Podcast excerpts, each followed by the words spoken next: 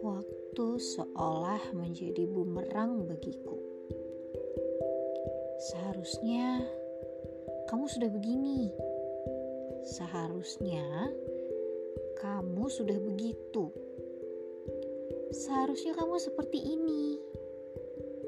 Seharusnya kamu seperti itu.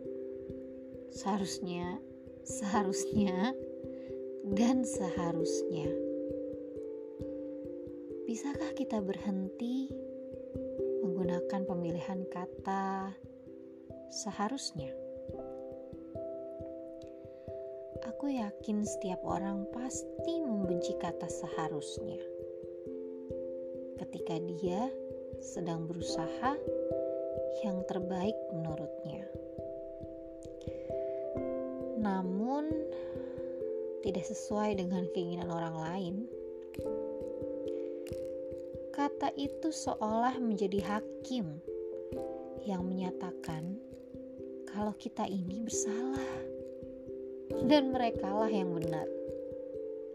Apa benar begitu? Bisakah kata seharusnya diubah menjadi aku mendukungmu? Ah, Tentu banyak kedamaian tercipta dengan kata itu. Aku mendukungmu selagi kamu bahagia. Cukup itu saja. Mengapa kata aku mendukungmu justru sangat sulit untuk diucap?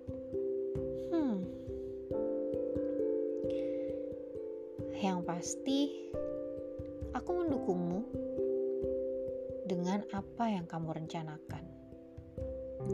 Aku mendukungmu dengan apa yang kamu cita-citakan.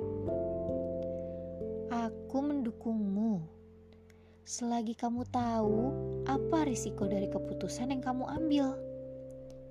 Aku mendukungmu selama itu membuatmu bahagia.